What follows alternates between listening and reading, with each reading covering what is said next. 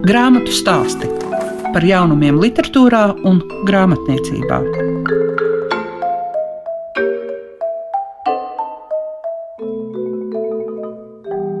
Esiet sveicināti grāmatu stāstu klausītāji.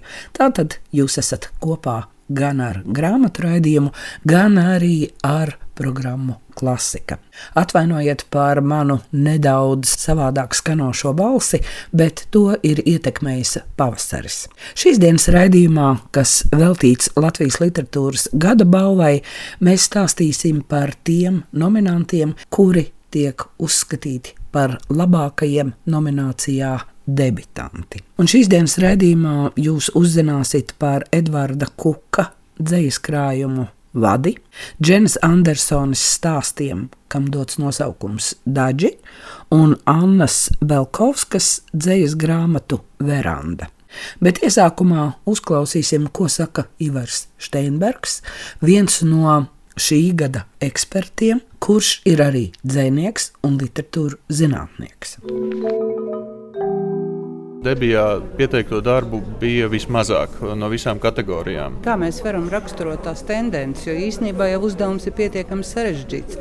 Ir gan dzēja, gan proza. Tiesa, jā, un tā pati situācija līdzīga ir arī literatūrā bērniem, kur arī tiek pieteikti prozas darbi, dzējas darbi, bilžu grāmatas, šogad arī viens komiks, un arī debijā tiek vērtēts kopā dzīslu un prozas teksti, taču mums ir izstrādāti kriteriji, pēc kuriem mēs vadāmies katru kategoriju vērtējot. Mums ir priekšā rakstīts pa punktiem, kas ir tas, uz ko mums jāskatās un kam jāpievērš uzmanība. Un tie ir apzināti veidoti tā, lai tos var attiecināt uz visa veida darbiem katrā kategorijā. Vai tad, ja jūs būtu parastais lasītājs, nekā žūrijas, Latvijas žūrijas loceklis, jūs tam pievērst uzmanību?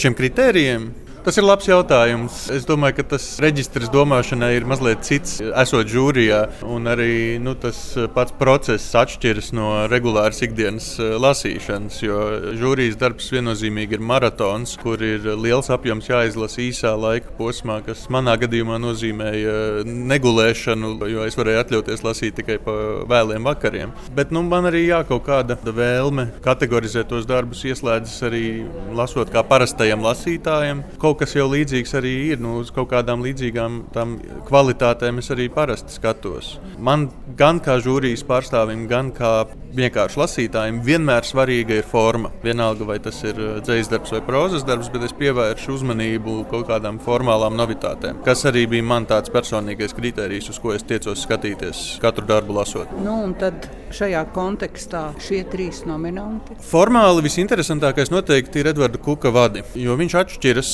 no pārējiem dzīslis izdevumiem, it sevišķi pirmajām grāmatām pēdējos gados, tieši ar to, ka arī, manuprāt, viņam kā dziniekam svarīga ir dzīslis forma ne tik daudz teiksim, tas, ko varētu saukt par kaut kādu dzīsļu stāstu vai tam līdzīgi. Viņš strādā ar valodu atšķirīgā veidā nekā liela daļa viņa paudzes dzinieku, un tas ir arī iemesls, kāpēc viņš ir nominēts. Dženas Andersonas gadījumā formas eh, meistarība izpaužas skatu punktu nomaiņā. Atkarībā no katra stāsta vajadzībām Andersone pamaina to leņķi, kā tas tiek izstāstīts. Bieži vien arī kaut kādu svarīgu pavērsienu iestrādājot beigās, kas pēc tam liek pārvērtēt visu iepriekš lasīto. Tā ka viņi ar šo vēstījumu strādā, nu, kas, protams, prozā ir ļoti svarīgi. Savukārt Belkovska vienkārši ļoti foršus tropus māks sadomāt. Nu, tātad es esmu cilvēks, kurš ķer kaifu no asprātīgām metaforām, un formas ziņā Belkovskas grāmata piedāvā šīs skaistās, ar bagātu izdomu veidotās metaforas salīdzinājumus un tam līdzīgi. Tā kā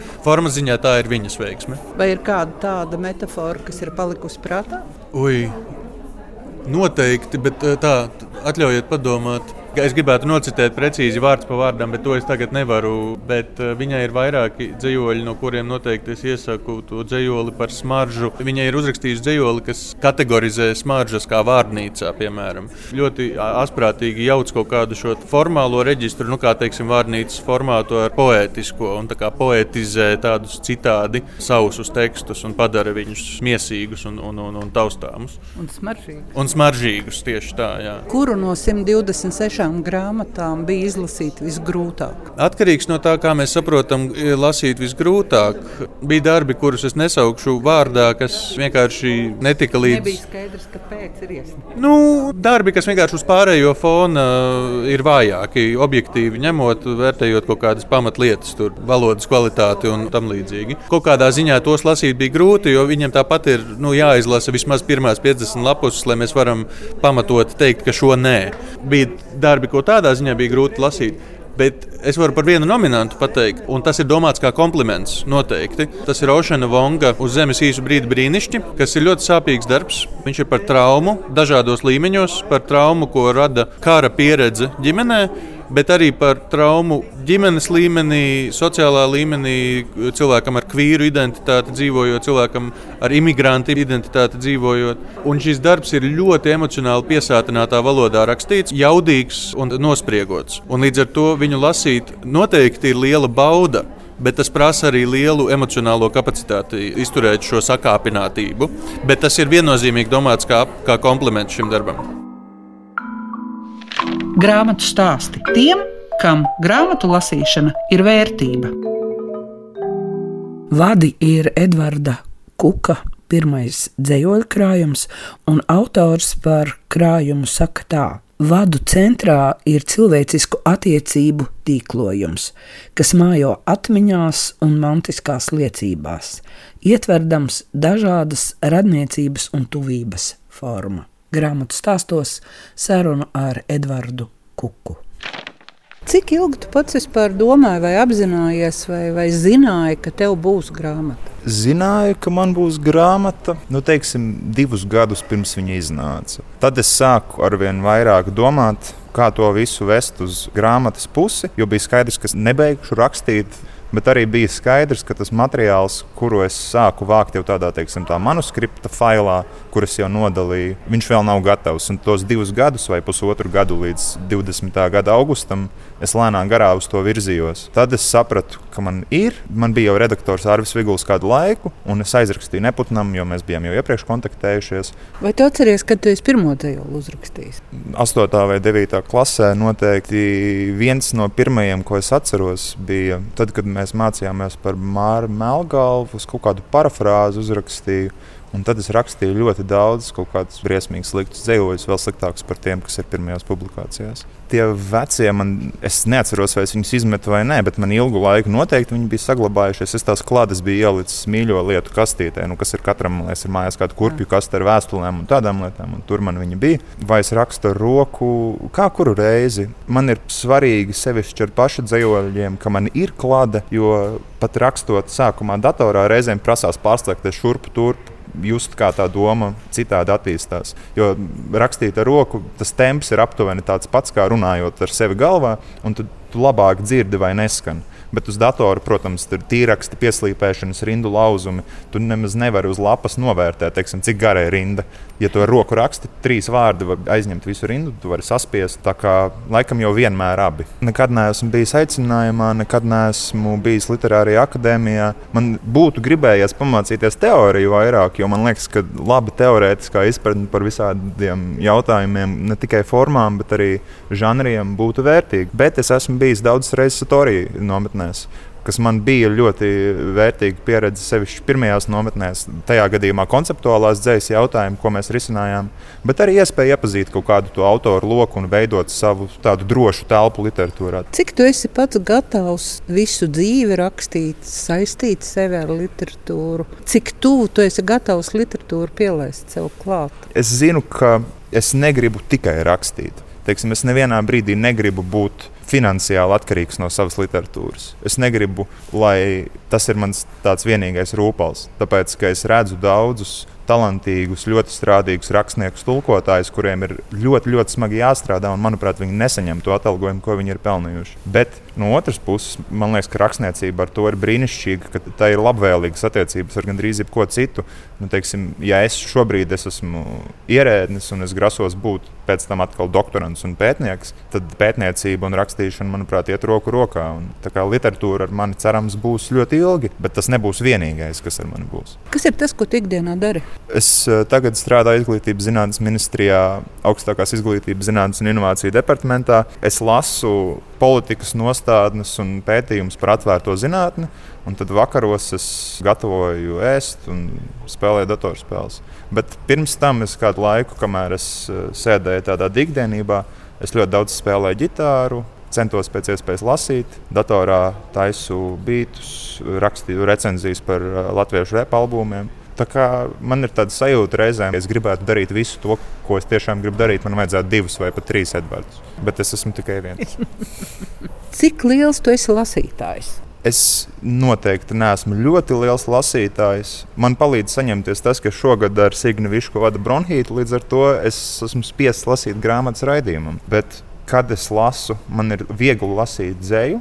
Latvijasiski un angliski, un ar ļoti lielām grūtībām ivritā, bet nu, tad es parasti ņemu paralēlu tulkojumu angļuiski un ivritā. Prozu man vajag ielasīties. Bet, kad ielasās, tad es varu. Teiksim, kad es lasīju, ka brēlis atzīstos, tas man liekas, ir 850 lapas. Pirmās 200 bija grūti, bet tad jau aizgāja pa kādām 50 vai 100 dienām. Bet savukārt Valzera laupītāju es lasīju ilgi un pie viņa migu cietu katru vakaru. Ar gadiem manu ādu pārņem balti plankumi. Veselums šķeļas, salu simti, cits citu vairs nesaprot. Caur logu redzu jūras robežu šķirtni, Iztēlojos baseinus, kuriem vairs nevaru tuvoties, chloras smaku, kas uzkrājas ģērbtuvēs un mitrās peldbiksēs. Tagad āda plaisā kā veca pisoāra porcelāns, apvalks sola brukt, bet nespēja pat tik. Tā vienmēr atgriežas kā putekļi vai slāpes, atgriežas kā nieza, saskrāpējies sarkans, atceros vecmāmu, pūšļi viņu ņēma, kā dūņu aļģis ņem krastu, Tomēr viņa metās ūdenī atkal un atkal kā vilnis, kā nagi metas tumsā starp plankumiem. Izvilkto sīkumu vietā skalojas limfa. Ja es būtu lauska, viļņi mani noskalotu gludu. Grāmatu stāsti programmā Klasika. Džena Andersone, Daži, tie ir stāsti un Dženas Andersonas debijas stāstu krājums Daži ir spēcīgs pieteikums latviešu prozā. Viens no Dženas Andersonas varoņiem saka, mēs nevaram kļūt kādam par ērtu atrisinājumu tikai tādēļ, ka parasti cilvēki tā nerīkojas tam vārdam, tam nosaukumam daži, man ir vairākas nozīmes. Gan ir tāda pozitīva nozīme, gan arī negatīva. Negatīva varbūt tādā ziņā, ka, nu, ka tie daži ir tādi durstīgi un sāpīgi, un ja viņš pielīp, tad no viņa nevar tikt vaļā, bet te pašā laikā varbūt tas palīdz kaut ko mums atcerēties. Un ar to dādzi Viņš palīdz cilvēkam turēties ar vienu roku pie realitātes un saglabāt savā atmiņā varbūt to, kas ir palīdzējis viņam kļūt stiprākam. Tāpēc man tas vārds daļa nav tāds vienkārši tur augs, kas tur aug. Viņam ir liela nozīme, viņš ir tāds ietilpīgs jēdziens. Jums arī viens no stāstiem ir ar tādu nosaukumu. Jā, tas ir uh, stāsts par meiteni, kura laužās cauri savas dzīves daļiem, un arī gan tiešā, gan pārnestā nozīmē. Viņas mammai ir problēmas ar alkoholismu, un viņa aplīpa ar daļiem, un jo viņa krīt, un tā meitene palīdz tos daļus vilkt laukā viņai no matiem un drēbēm, bet tas jau ir arī tā kā pārnestā nozīmē, ne jau tikai fiziskā. Jā, es atceros arī bērnībā, ka mēs veidojām arī no daļiem tā tādas brošiņas un dzīvnieciņus. Jā. Un arī sunim reizēm bija salipuši daži pavēderē, un tad bija jāvelk laukā. Tā kā dārdzis ir tāds ļoti mīļš un tāds interesants augs. Un tas viss, gan tas nosaukums, gan tas stāsts, gan arī pārējie stāsti, kas būvējās varbūt ap to, viņi, tas viss veidojas ļoti tā dabīgā veidā. Tas ne, nav tā mākslīgi būvēts. Tie stāsti viens pie otra, kā dārdzis pie daža ir pielipināti. Jums vispār stāstiem ir raksturīgas tādas lietas kā novērojums. Jūs novērojat pamanāt, to aprakstāt. Un es īstenībā visu laiku gaidīju arī ļoti garajiem stāstiem beigas, jo tad jūs devāt savu atrisinājumu. Jūs radāt savos stāstos jau tādu kā simbolu. Jā, es arī cenšos tā, lai paliktu vieta lasītājam, kur padomāt, jo varbūt katrs lasītājs atradīs savu to izskaidrojumu, to savu simbolu. Jo man ir bijis arī interesanti tā klausīties, ja kāds cilvēks ir lasījis vairāk, un tad katrs kaut ko saskatīs, vai stāstās savu un, un savu. Jā, jā. un reizēm varbūt arī par to, ko es neesmu uzreiz pat padomājis, jā, pēc tam saprotu, jā, pareizi, tur taču tas darbojās un tas un tas. Katrs varēs atrast varbūt kaut ko savu. Jums ir tāda lieta, ka jūs rakstat vai nu ļoti īsu stāstu, vai ļoti garu stāstu. Kāpēc var piecās, sešās lapusēs, un kāpēc simt un pāri lapusēs var aprakstīt notikumus? Kad man galvā atnāk šis stāsts, man visvairāk interesē paskatīties uz to konkrēto notikumu vai konkrēto cilvēku, uz kaut kādu konkrētu momentu viņa tajā dzīvē. Vai tās ir dažas stundas, kas notiek, vai tās ir dažas dienas, bet tas parasti nav tāds milzīgs laika posms. Un tad es kā viņu pietuvinu šo varoni vai šo notikumu un apskatu viņu. Tas arī ir intuitīvi. Es uzreiz saprotu, vai tas ir izstāstāms tajās lapās, vai tomēr vajag mazliet garāk. Tur nav tāda īpaša tehnika. Tas viss balstās uz tādu izjūtu. Ir daži stāsti, jā, kur ir trīs vai četras lapas puses, bet es esmu ielikusi tajā visu, ko es varēju ielikt, ko es gribēju ielikt. Un kad es viņu uzrakstu, un es saprotu, tas stāsts ir pabeigts un nevajag viņu vairāk pagarināt. Un tas tā man veidojās. Bet ir arī stāsti, kas ir garāki, jā, kur man prasās pastāstīt, varbūt mazliet plašāk. Un arī varbūt ir, nu, tā komplikācija ir lielāka. Trešā nominācijā debija ir Anna Belkovska, un viņai ir iznākusi dzējoļu grāmata ar nosaukumu Dzēja. Annas Belkovskas debijas dzējas krājums, kurā ir apkopoti autors dzējoļi, kas tapuši no 2015. līdz 2021. gadam, līdzās laikmetīgām idejām un pasaules kultūras tēliem, autore nevairās no Latvijas geogrāfijas un ģimenes vēstures un daudzveidīgā formā izkārtots tīrs un precīzs teksts, spēcīga, drosmīga un silta dzinieces balss. Vai pirms gada bija tāda sajūta, ka varētu būt nominācija Latvijā un arī dzējoļu krājums? Tagad man ir jādomā, vai pirms gada vispār es domāju, ka grāmata būs jau tagad. Man šķiet, ka man piedāvāja Valters viņu izdot pēdējā vasarā, kas nozīmē, ka pirms gada grāmatas iecer vēl nemaz neeksistēja. Līdz ar to es arī vēl nedomāju par balvu. Kad vispār tapu pirmais dzējolis? Jau desmit gadu vecumā zināju, ka es gribu būt rakstniece, bet es sāku ar šausmu stāstiem. Bet pirmie dzējoļi varētu būt 14, 15 gadi, nu kā pārsvarā tas arī ir. Tradicionālāk ir tad, ka vispirms tiek rakstīti dzējoļi un tad pievēršas prozai. Mm. Šī gadījumā ir otrādāk. Nu jā, es arī šobrīd joprojām rakstu prózu, un vienu brīdi es viņai biju vairāk pievērsusies, bet es dzējā tomēr jūtos visērtāk. Jo es arī dramaturgiju nedaudz rakstu, vai strādāju teātrī, bet dzējā es jūtos visērtāk un pārliecinātāk. Es pārsvarā esmu droša, ka es esmu uzrakstījis labi. Man ir vieglāk noteikt, kad ir tiešām labi. Atšķirībā no prozas, piemēram, es esmu vairāk izkopusi tehniku un zinu, ko es gribu panākt. Man šķiet, ka ir arī kaut kāds rokraksts. Vai tas nozīmē, ka dzējas valoda ir spēcīgāka? Dzējas valoda ir intensīvāka.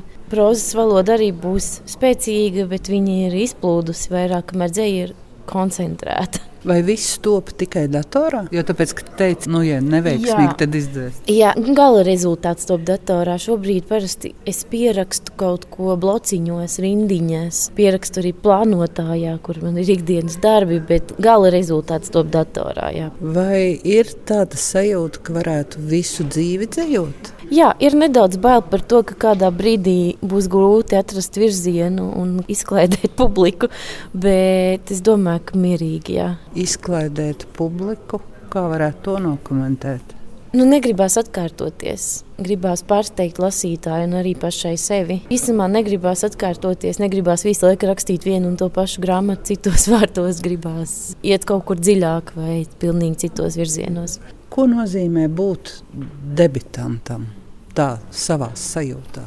Nu, tas ir interesanti, jo kaut kā tajā dzīslas telpā es grozos jau kādu laiku. Un, uh, šķiet, ka man jau sen bija jābūt debitantam, un kādā brīdī jāpārstāj būt jaunajai dziniecei. Varbūt būt debitantam nozīmē pielikt punktu tam, ka es esmu jaunais dzinieks.